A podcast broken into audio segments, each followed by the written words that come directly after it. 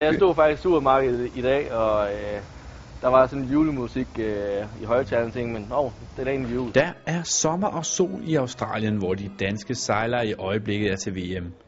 Men hvordan påvirker det julestemningen? Jeg tror, det er lidt svært at komme i julestemning. Det er i hvert fald en anden form for julestemning end derhjemme. Det er lidt mærkeligt at gå i shorts og t-shirt og høre julemusik. Når man er, når man er ude nede på havnen, når man sidder og sejler i, i høj sol og varme, så er det svært at komme i julestemning. Altså, det er jo lidt surrealistisk, at, at man ser velpolstrede julemænd og julenisser og kunstig sne og så videre i, i 25-30 graders varme. Australierne holder jul på deres helt egen måde. Jeg tror, det er, Ah. et, øh, jeg tror, det er noget barbecue-gejl, de har, de har sving i hernede. Øh, jeg ved ikke rigtig, hvordan det fungerer. Det er måske noget, man må tage på stranden juleaften. Hygger.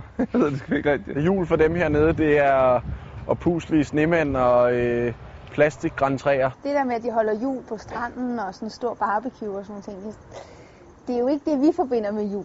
Det er ikke det, man øh, forbinder med julen. Nej, det er det sgu ikke. Det er lidt koldt, dårligt vejr. Ja. Sjap. Sharp. Gør sejlerne så selv noget for at fejre julen? Vi har sådan pyntet lidt op i huset, øh, med de sparsomme ting, vi har, og så har vi haft jule, øh, et kalenderlys med hjemmefra. Vi har ikke, øh, vi har ikke en eneste nisse eller, eller noget julemad op at køre her endnu. Vi har kalenderlys, og vi har julenisser. Det er nok mest salasen, der ligesom bliver tænkt på her. Skrabe julekalender er også, går også i høj kurs, og chokolade julekalender og, og pakke, pakkekalender. Der er dog også fordele ved at være så langt væk hjemmefra. Det, det er jo altid lækkert, når man så kommer hjem, at så er det bare full on for øh, alt julegejlet.